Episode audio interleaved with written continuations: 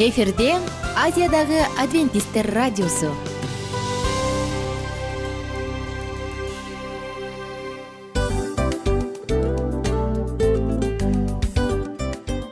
Достор салют. Баардык сүйүктүү угармандарыбызга салам айтабыз. Кутман күнүңүздөр менен. Ден соолук өмүрдүн булагы демекчи саламат саамы программасында баарыңыздарды көргөнүбүзгө абдан кубанычтабыз. Анда алгач амандашып өтөлү арбаңыздар деп. Ден соолугуңуздар кандай элибизде көбүнчө ден соолук кандай дегенде эле жакшы деп жооп беребиз э? ооруп турсак дагы жакшы дейбиз. Анан мен муну айтып ойлойт элем бул абдан сонун сөз депчи анткени бул жакшы деген үмүт да э ооба баары жакшы болот баары сонун. Деп үмүттөнүп атып эле өзүбүздү өзүбүз дарылап коебуз. Анысы кандай? Сиздин дагы ден соолугуңуз жакшы беш деген үмүттөбүз чындыгында ден соолук бул өмүрдүн булагы деп бекеринен айтылган эмес деп ойлойм. Кыргыз элинде анткени эгерде ден соолук жок болсо анда адамдын жашоосунда калган баардык керектүү маңыздуу нерселер өзүнүн баалуулугун жоготуп коет. Ошондуктан ден соолук бул эң керектүү нерсе. Ооба туура айтасың кесиптешим чынында ден соолугуң жок бир эки үч күн ооруп калсаң эле э кандай болуп калат? Жашоодо көз каранды болуп каласың көп нерсеге жетишпей каласың көп нерсени кыла албай каласың жада калса эшикке дүкөнгө да чыга албай каласың. Туптуура анан ден соолук болсо демек биз биздин бактыбыз тотой деп койсок болот. Анда достор саламат саамы рубрикабызды баштайлы. Алдыда өзүңүзгө керектүү болгон сонун кеңештерди уга аласыздар. Мына ошондуктан биз менен бирге болуңуздар. Ал эми биз болсо милан жана айнура. Кеттик алга. Алга саламат саама ден соолуктун жарчысы. Саламат саама ден соолуктун ачкычы. Күн сайын сиз үчүн мыкты кеңештер сонун жаңылыктар кызыктуу фактылар биздин рубрикада.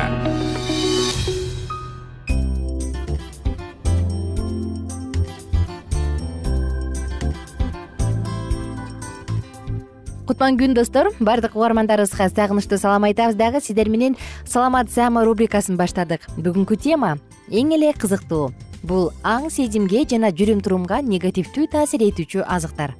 Достор элестетип көрүңүз. Көз алдыңызга тил албаган ушундай бир тентек баланын сүрөтүн тартыңызчы. Ал ордунда отура албайт дайыма тегеренип турат. Ал өзүн ушундай бир душман катары алып жүрөт кыйкырат согушат тиштейт. Анын ата энеси жакшы өзүн жакшы алып жүрүш үчүн болгон методдордун баардыгын тең аракет кылып көрүштү. Акырында психологко барат а психолог болсо алардын окуясын жакшылап угуп туруп анан баланын диетасын өзгөрткөнгө кеңеш берет. Эмне ушул элеби деп таң калышы мүмкүн ата эне анда айтыңызчы эмне бул мүмкүн эмеспи? Биздин балабыздын жүрүм туруму менен диетанын кандай айырмасы бар кандай байланышы бар? Бирок достор чындыгында көрсө алкоголь жана психоактивдик заттардан сырткары кайсы бир азык түлүктөр дагы адамдын өзгөчө баланын мээсине таасир кылып маанайдын ойноп турушуна дагы алып келет экен. Ал бала тынчсызданат жана агрессивдүү болуп калат. Эгерде кененирээк билгиңиз келсе анда биз менен бирге болуңуз. Эң эле алгач сахары көп азык түлүктөрдү алалычы ооба нейрондордун баардыгы тең дайыма алардын топливосу алардын отуну болгон глюкозанын келип турушуна өтө көз каранды эгерде глюкоза кандагы сексен миллиграммдан жүз миллилитрге сексен миллиграммдан ылдый түшүп кете турган болсо анда апатия пайда болот. Адам өзүнүн оюн чогулта албайт бир нерсеге үйрөнүүгө жөндөмү жок болуп калат. Ал эмес баштак айланат а бирок өтө эле көп жакмакташылган кумшекери бар азыктар. Бирок алардын курамында кадимки табигый клетчатка аз боло турган болсо булар мисалы пирожный таттуу торттор ар кандай таттуулар алардын гликемикалык индекси жогору болгон азыктар. Анда алар кандагы глюкозанын кандагы кандын курамындагы глюкозаны өтө тез өйдө көтөрүшөт. Анын натыйжасында инсулин көпүштөлүп чыгат. Бул болсо кадимки глюкозанын терс түшүп кетишине шарт түзөт. Элестетип көргүлө эми достор. Дал ушундай глюкозанын ойноп турушу глюкозанын концентрациясынын дейинчи ойноп турушу төмөн эрте түшүп кетиши тез эле түшүп калышы бул нейрондордун туура иштешин жок кылат бузат. Анын натыйжасында экинчи түрдөгү кант диабети пайда болот. Ооба достор оорудан сырткары негизи эле таттуунун өтө көптүгү маанайдын дагы ойноп турушуна алып келет. Адам кыжырдуу болот адам тынчсыз болуп калат анын артынан апатия келет жана гиперактивдүүлүк пайда болот. Тагыраак бир кыскача сөз менен айта турган болсок эмоционалдык туруксуздук пайда болот агрессивдүүлүк жана ал эмес каардуулук да пайда болот. Элестетип көрүңүз кандай гана коркунучтуу негизи кадимки эле кумшекер өзүнүн глюкозанын курамында өтө эле аз деп айтканга да болбойт э бир аз бар. Билебиз бирок анын гликемикалык индекси өтө төмөн андан сырткары кадимки эле табигый азыктар жаңы мөмө жемиштер. Аларда глюкоза бар болгону менен клетчатка да бар. Элестетип көрүңүз дал ушул клетчатка глюкозанын канга тез сиңип кетишин шарттап турат. Тез сиңирет. Мына ошондуктан достор эгерде сиз өтө таттуу жегиңиз келип турса анда мөмө жемиш алыңыз. Бирок момпосуй булочка шоколад эмес. Мөмө жемиш алыңыз. Эми достор дал эле ушундай сыяктуу таасирди чакмакташылган шекер жана кайсы бир азыкка кошулуучу добавка кошумчалар ойнойт. Эгер булар жөнүндө жалпы айта турган болсок бул кадимки эле боектор бар эмеспи э тамактарга кошулуучу. Дал ушул боектор консерванттар жасалма таттуулук таттуу даам берүүчү нерселер жана мунун баардыгы соңкусунда гиперактивдүүлүктү жана тынчсызданууну алып келет. Великобританияда өткөрүлгөн изилдөөдө кайсы бир добавка кошумчалар чындыгында? Мейли ал алкоголсуз напитокторго суусундуктаргабы момпосуйларгабы башка таттууларга кошулабы анын баардыгы тең үч жаштан тогуз жашка чейинки балдардын мээсине түздөн түз таасир кылып аларды гиперактивдүү кылаарын алардын жүрүм туруму ушундай тентек болоорун жана алар өз оюн топтой албастыгын далилдеп чыгышкан. Ошондуктан достор эгерде сиз балаңызга таттуу торт алып берүүнү чечсеңиз анан ушундай бир тентек болуп калган балаңызды гиперактивдүү балаңызды кантип тынчытасыз мына ошол жөнүндө ойлонуп коюңуз эми достор адамдар өзгөчө ар кандай болот эмеспи? Кимдир бирөө өтө сезимтал келет кимдир бирөө анча эмес. Жогорудан бери тамактарга кошулуучу консерванттар деп келбедикпи? Боек өң берүүчү нерселер түс берүүчү нерселер. Булар жөнүндө айтсак бул тартразин е жүз эки деп коюшат. Хинолин желтый деп коет сары хинолин е жүз төрт. Булардын баардыгы тең гамбургер пирожки таттуу токочторго бал муздакка ал эмес э, суусундуктарга дагы кошулат ал эмес булар кайсы бир азыктарга дагы күрүчтүн ордуна койдонулуп келет. Булардын баардыгы жогоруда айтылган эмоционалдык туруксуздукту пайда кылат. Ошондой эле достор сары күндүн батышы деген дагы укмуш э, боегуч бар. Бул дагы көбүнчө бал муздак момпосуй пирожки таттууларда алкоголсуз ичимдиктерди жасоодо апельсиндин даамын бериш үчүн колдонулуп келет. Көп эле байкайбыз мындай абдан эле көп э? Азарубин бар пунцовый а р төрт р бар аспартан бар. Булардын баардыгы тең дал ушул биз жогоруда айтылып өткөн. Ичимдиктерге суусундуктарга алкоголсуз бал муздак жана чайнаган кадимки эле сагыздардын катарына дагы кошулуп келет. Бул башына мындай карасаң эч кандай деле жаман нерсе эмес. Бирок сөзсүз түрдө өзүнүн аркасында тынчсызданууну пайда кылат баш ооруну алып келет. Анан жогоруда айтылгандай эмоционалдык туруксуздукту алып келет булар негизи мыйзам тарабынан зыян деп айтылган эмес. Бул баягы тамеки алкоголдук ичимдик сыяктуу эле бирдей катарда. Бирок баары эле биле бербейт. Мына ошондуктан достор балаңыздын саламаттыгын кам көрүп жатсаңыз анда жогоруда айтылган полуфабрикаттарды жарым фабрикаттарды бербей эле койгонуңуз жакшы. Колдон келишинче балаңызга кадимки эле табигый таза тамактарды бергенге аракет кылыңыз. Ал эмес достор кайсы бир адамдардын ою бар да эт кошулган тамактар дагы адамдын психикалык э, стабилдүүлүксүздүгүн пайда кылаарын бул дагы албетте толугу менен изилденген эмес бирок канча бир деңгээлде адамдын маанайын сөзсүз таасир калтырып кетет. Достор кааларыбыз депрессия жашооңузда болбосун эмоционалдык туруктуулук дайыма сиздин жүрөгүңүздө тынчтык жана эң сонун маанай дайым болсун. Кайрадан кийинки уктуруулардан амандашканча саламат саама ден соолуктун жарчысы. Саламат саама ден соолуктун ачкычы. Күн сайын сиз үчүн мыкты кеңештер сонун жаңылыктар кызыктуу фактылар биздин рубрикада. Салют замандаштар баарыңыздарга ысык салам. Дил маек программабызга кош келиңиздер. Дил маек рубрикасы дегенде эле бул эмне болгон дил маек ким менен маектешебиз деп сурайт болуш керек угармандарыбыз бул рубриканы кыскача тааныштыра кетип турган болсок ар тарап кесип ээлеринен болгон сонун интервью кеңештер бар. Ооба. жылдыздар менен болгон маек бар. Аталарыбыздын агаларыбыздын чоң аталарыбыздан сонун кеңештер бар. Ошондой эле эже сиңдилердин кеңештери бар айтор. Баардык кызыктардын баары алдыда. Негизи эле адам баласы бир кимдир бирөөнө ишенип сырын ачкысы келет эмеспи э мындай баарлашууга жакын келебиз го? Албетте. Негизи бир жерге отуруп алып кенен шашпай баягы жүрөктөн жүрөккө ачып сырларыбызды ар кандай көйгөйлөрүбүз менен бөлүшүп баягы чын жүрөктөн маек курганды кимибиз сүйбөйбүз э? Ооба десең ал нерсеге суусап да келебиз да. Ооба кээ бирде адамга чындыгында баягы э, ысык маек баягы жылуу маек жетишпейт да. Ошондуктан биз ушул рубриканы ойлоп тапканыбызда эң биринчи эле достор сиздер менен чын жүрөктөн бир маңыздуу темаларды козгоп кеткени э, кааладык. Ошондуктан ушундай сонун бир рубриканы тартуулап жатабыз. Анын үстүнө радио дагы сонун дос да анткени э, мындай учурда досуңа айтсаң досуң досуна айтат досу досуна айтат да анан бүт өлкө билип калышы мүмкүн го. А радио болсо сени сатпаган сенин айыбыңды ачпаган сенин сырыңды эч кимге айтпаган сонун дос мына ошондуктан биздин алдыдагы айта турган кеңештерибизди биздин досторубуздун кеңештерин угуп анан ал жака пикириңизди дагы калтырып кайрадан биз менен байланышсаңыздар болот. Деги эле жашооңузга эгерде кичине болсо дагы өзгөрүү алып моралдык жактан моралдык жактан сонун бир кеңештерди алсаңыз демек биз максатыбызга жеттик. Ооба. Чыңгыз атабыз улуу жазуучу э, чыңгыз айтматов айткандай адам болуу бул күнүмдүк процесс экен. Күн сайын адам бойдон калуу бул адамзатка эң эле кыйын дейт э? э эң кыйын дейт. Чындыгында бунун э, негизинде адамдын эң баягы сапаттуулугу адамдын адамгерчилиги жана көптөгөн керектүү нерселер. Мына ошол темалар дагы бизде э, ушул дил маекте биз аларды да козгойбуз. Э, ден соолук жөнүндө да сүйлөшөбүз. Сөзсүз түрдө анан милан мырза негизи айтып коюшат го. Э, биз көбүнчө эмнени ойлонсок ошол нерсеге карата иш кылабыз го. Ооба. Анан анысы кандай? Балким бул радио баракчада кимдир бирөөнүн оюн текшергенге жардам берет кимдир бирөөнүн жүрөгүн текшергенге жардам берет. Балким кимдир бирөөгө жашоонун маңызын тапканга жардам берет. Айтор кызыктын баары алдыда бул жөн гана кыскача жарнама анда угармандарыбыздын баардыгын кийинки рубрикабызга чакырабыз. Ал эми кызматта маңдайымда отурган кесиптешим милан жана мен айнура. Анда эмесе биз даярдаган терең терең ойлор менен таанышууга кеттик. Алыс алыс баралык.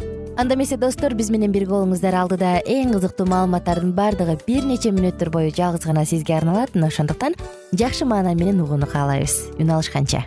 Жөнөдүк. Ар түрдүү ардактуу кесип ээлеринен алтын сөздөр жүрөк ачышкан сыр чачышкан сонун маек дил маек рубрикасында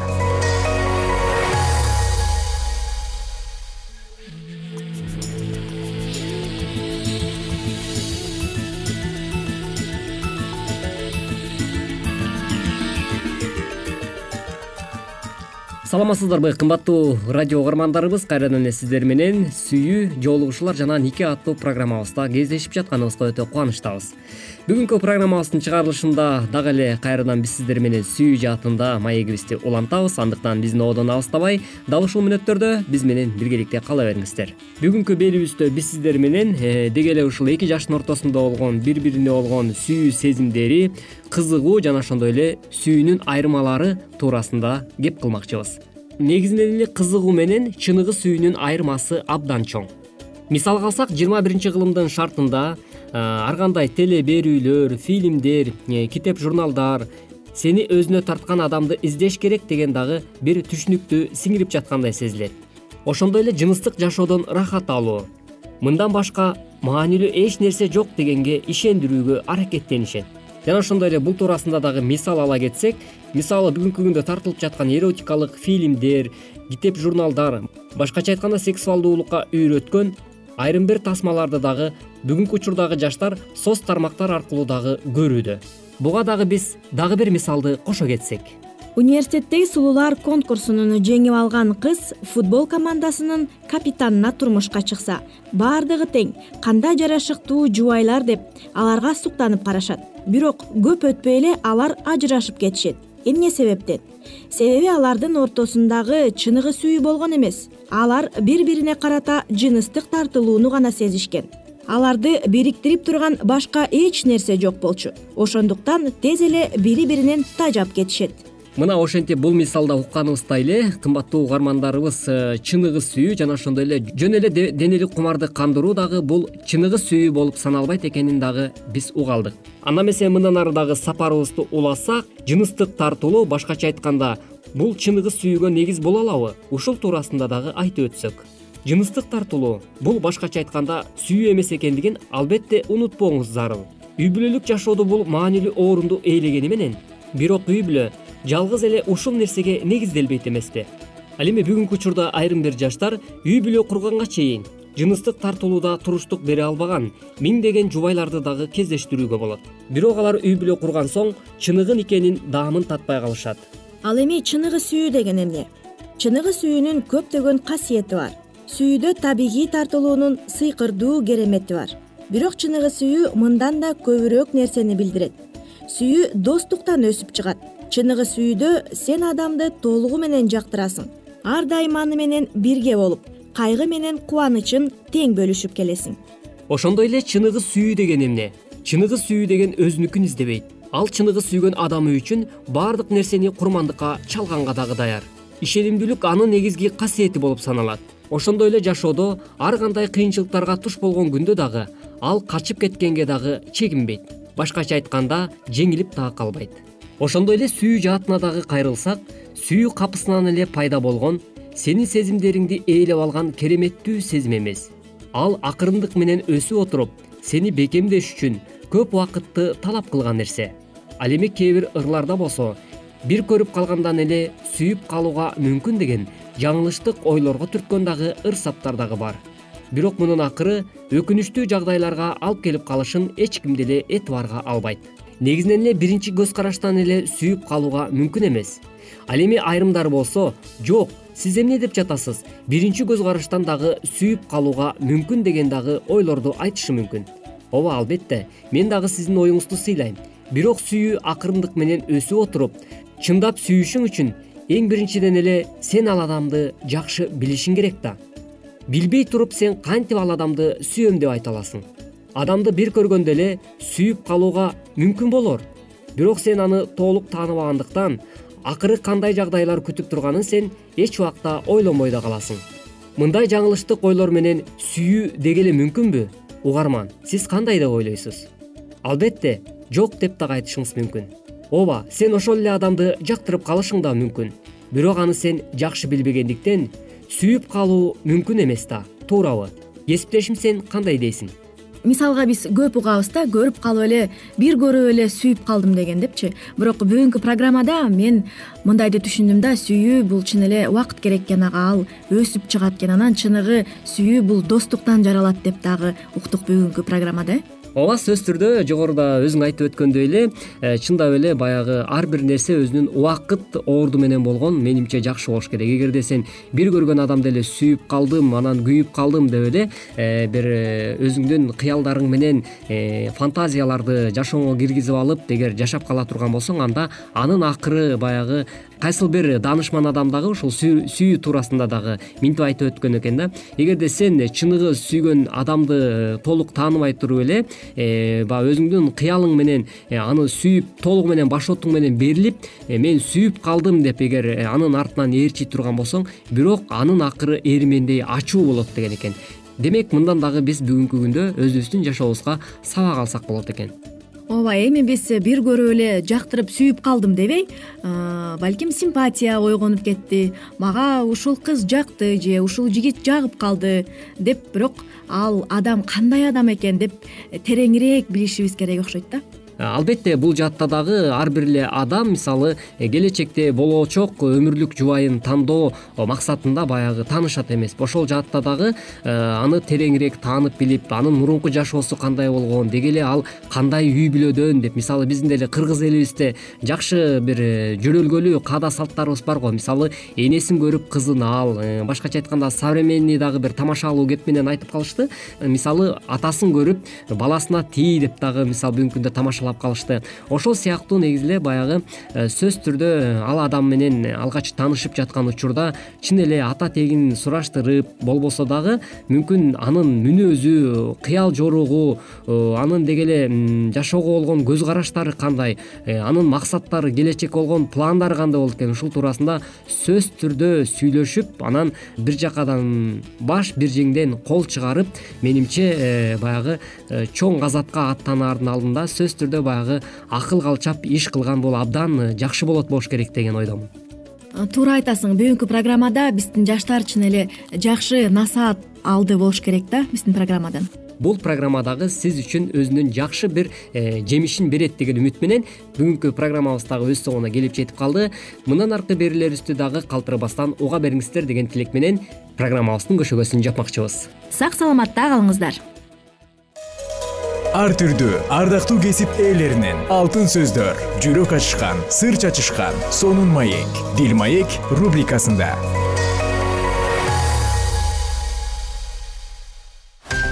Жан дүйнөңдү байыткан жүрөгүңдү азыктанткан жашооңо маңыз тартуулаган жан азык рубрикасы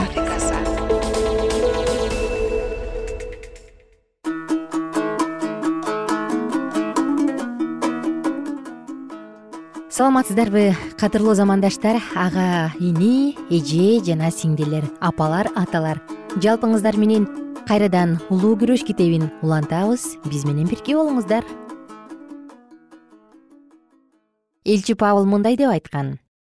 Анткени эгерде өлгөндөр тирилбей турган болсо анда машаяк дагы тирилген эмес.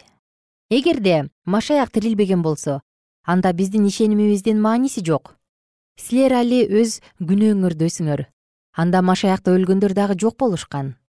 Биринчи корунтуктар он бешинчи бап он алтынчы он сегизинчи аяттарда жазылган. Эгерде төрт миң жыл аралыгында өлгөн адилеттүүлөр асманга көтөрүлгөн болушса тирилүү болбой турган болсо машаяктагылар дагы жок болушкан деп кантип айтат? Анда эч кандай тирилүү үчүн үмүт калмак эмес. Азап чегүүчү тиндаль өлгөндөрдүн абалы жөнүндө мындай деп айткан алардын азыр машаяк жана кудайдын тандалган периштелери болуп жаткан даңктын толугунда болуп жаткандыгын мен кабыл албайм. Менин ишенимим муну менен кошула албайт. Эгерде мындай боло турган болсо боло турган тирилүү жөнүндө насаатты айтуунун кажети жок. Өлбөй турган окутууларга үмүт арткандык ыйык жазуунун кайрадан тирилүү жөнүндөгү чындыктарын баркалбагандыкка алып келгендигин моюнга албай коюу мүмкүн эмес. Бул негизги ой максат адам кларк аркылуу дагы мындай деп белгиленген. Кайра тирилүү жөнүндөгү окутуулар алгачкы машаяк жолун жолдогон адамдардын арасында азыркы кездеги адамдарга караганда көбүрөөк пайдаланылган. Эмне себептен мындай болду? Элчилер бул окутууларга өтө чоң маани беришкен жана өздөрүнүн келген адамдарына бул аркылуу кубат беришип жана алардын ишенимдерин бекемдешкен. Ал эми алардын жолдоочулары биздин күндөрүбүздө кайра тирилүү туурасында көп айтышпай калышкан алгачкы машаяк жолун жолдогон адамдар аларга элчилердин айткандары боюнча буга болгон ишеними жогору болгон. Ал эми биздин мезгилдеги машаяк жолун жолдогон адамдардын ишеними аларга айткандардын сөзү боюнча болуп жатат. Жакшы кабарда эң эле көрүнүктүү орунду кайра тирилүү жөнүндөгү окутуу ээлейт.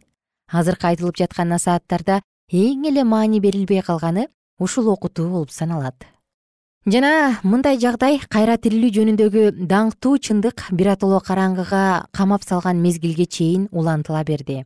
Жана машаяк жолун жолдогон адамдар аны жок кылып алуу коркунучуна кабылышкан. Бир таанымал диний жазуучу элчи павылдын сөздөрүн талкуулап мындай деп айткан. Адилеттүүлөрдүн өлбөй тургандыгы жөнүндөгү окутуу практикалык жашоодо сооронуу жана ыңгайлуу шарт түзөт биздин аң сезимибизден теңирдин экинчи келиши жөнүндөгү окутууну биротоло сүрүп чыгарат. Биз өлгөндөн кийин теңир бизди алып кетүү үчүн келет. Жана биз ошого абдан үмүттөнүп жатабыз. Өлгөндөр азыр даңкка барып калышкан. Алар сот жана түбөлүктүү бакыт жөнүндө жарыялай турган сурнай үнүн күтүшпөйт. Бирок качан ыйса машаяк өз шакирттерин таштап кеткени жатканда алар жакында ага бара тургандыгын айткан эмес. Мен силер үчүн жай дайындаганы барам жатам деди ал жана барып силерге жай даярдагандан кийин кайрадан келем. Жана силер дагы мен болгон жерде болуш үчүн силерди өзүмө алам. Жакан он төртүнчү бап экинчи үчүнчү аяттарда жазылган. Элчи павыл мындай дейт. Себеби башкаруучу добушта эң жогорку периштенин добушунда жана кудайдын сурнайынын үнү чыкканда теңир өзү асмандан келет. Жана машаяктагы өлгөндөр адегенде тирилишет андан кийин биз тирүү калгандар. Теңирди абада тосуп алууга менен бирге алынып булуттарда болобуз. Анан теңир менен дайыма болобуз. Жана мындай деп кошумчалайт. Демек ушул сөздөр менен бири бириңерди жубаткыла биринчи тессалоникалыктар төртүнчү бап он алтынчы он сегизинчи аяттарда жазылган. Биз жогоруда айтып кеткен универсалисттердин жыйынынын дин кызматчысынын айткан насааттары менен ушул айтылып кеткен сооротуулар кандай карама каршы жайгашкан? Ал өзүнүн жанында турган кайгырган өлгөн адамдын жакындарын эч кандай күнөөлөрүнө карабастан өлгөн адамдар асманга периштелердин тобуна кабыл алына тургандыгын айткан. Элчи павыл болсо өз боордошторуна мүрзөлөрдүн ооздору ачылганда боло турган тирилүү жөнүндө айтат. Машаякта өлгөн адамдар түбөлүктүү өмүр үчүн тирилишет адам жыргал жайга бараардын алдында анын өмүрү жана мүнөзү кылдаттык менен каралып чыгышы керек. Ар бир адамдын иши кудай аркылуу текшерилет. Бардыгы китептерде жазылган ишине жараша тиешесин алышат. Элчи павылдын төмөнкү сөздөрүнө көңүл буралы. Анткени ал бир күндү белгиледи. Ал күндү ааламды. Өзү алдын ала белгилеген эркек аркылуу адилеттик менен соттойт. Аны кайра тирилтип бардык адамдарга далилдейт элчилердин иштери он жетинчи бап отуз биринчи аят бул жерде элчи павыл аалам үчүн белгиленип келечекте боло турган мезгил жөнүндө ачык айтып кеткен. Иуда дагы ушул мезгил туурасында мындай дейт. Жана өз абийирин сактабаган бирок үй жайын таштап кеткен периштелерди улуу жазалоо күнү үчүн караңгылыктын астында түбөлүк кишинделүүгө кармап турат. Андан ары ал енох пайгамбардын сөздөрүн мындайча айткан мына теңир көп сандаган өзүнүн ыйык периштелери менен бардыгынын үстүнөн өкүм чыгарыш үчүн келе жатат. Жүйүт китеби алтынчы бап он төртүнчү он бешинчи аяттар. Жакан дагы мындай деген. Жана тактынын алдында турган өлгөндөрдү улууларды жана кичинелерди мен көрдүм. Китептер ачылды жана өлгөндөр китепте жазылгандай өздөрүнүн иштерине жараша соттолду. Аян жыйырманчы бап он экинчи аят. Бирок өлгөн адамдардын бири асманда кубанып жатышса калгандары тозокто кыйналып жатышса анда келечекте боло турган соттун эмне кереги бар? Бул суроолорго карата болгон кудай сөзүнүн окутуулары ачык айкын жана аларды эң эле жөнөкөй адамдар окуп түшүнө алышат. Бирок ушунчалык көп таралган ушул теориялардан терең ой жүгүрткөн жана олуттуу мамиле кылган кишилер эмне табышат болду экен? Жана тергөө соту бүткөндө адилеттүү адамдар жакшы кайрымдуу жана ишенимдүү кул экенсиң. Аз нерседе сен ишенимдүү болгонсуң көптүн үстүнөн сени коем мырзаңдын кубанычына кир деген сөздөрдү азыр алар аны менен болсо кантип угушсун достор окуябызды ушул кызыктуу жерден токтотобуз жана кийинки уктуруубузда сөзсүз улантабыз. Биз менен бирге болуңуздар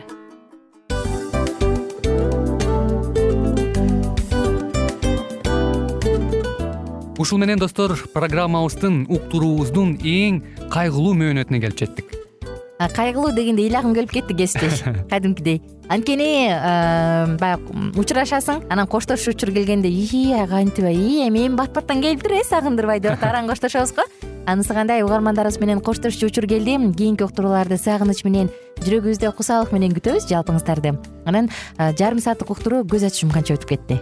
Сөзсүз бирок бизде жакшы кабар бар. Кийинки уктурууларыбызда сөзсүз дагы кезигишебиз. Анткени биз көптөгөн сюрприздерди кызыктуу маалыматтарды жана керектүү керектүү нерселердин көпүнчөсүн даярдадык анда угармандарыбыздын баардыгына ийгиликтүү күн каалайбыз эгерде бүгүнкү күнүңүз өзгөчө э, өтүшүн кааласаңыз анда позитивдүү ой жүгүртүп жылмайып жакындарыңызга жакшы маанай тартуулап жүрө бериңиз анткени сөзсүз түрдө мунун арты кайтат э?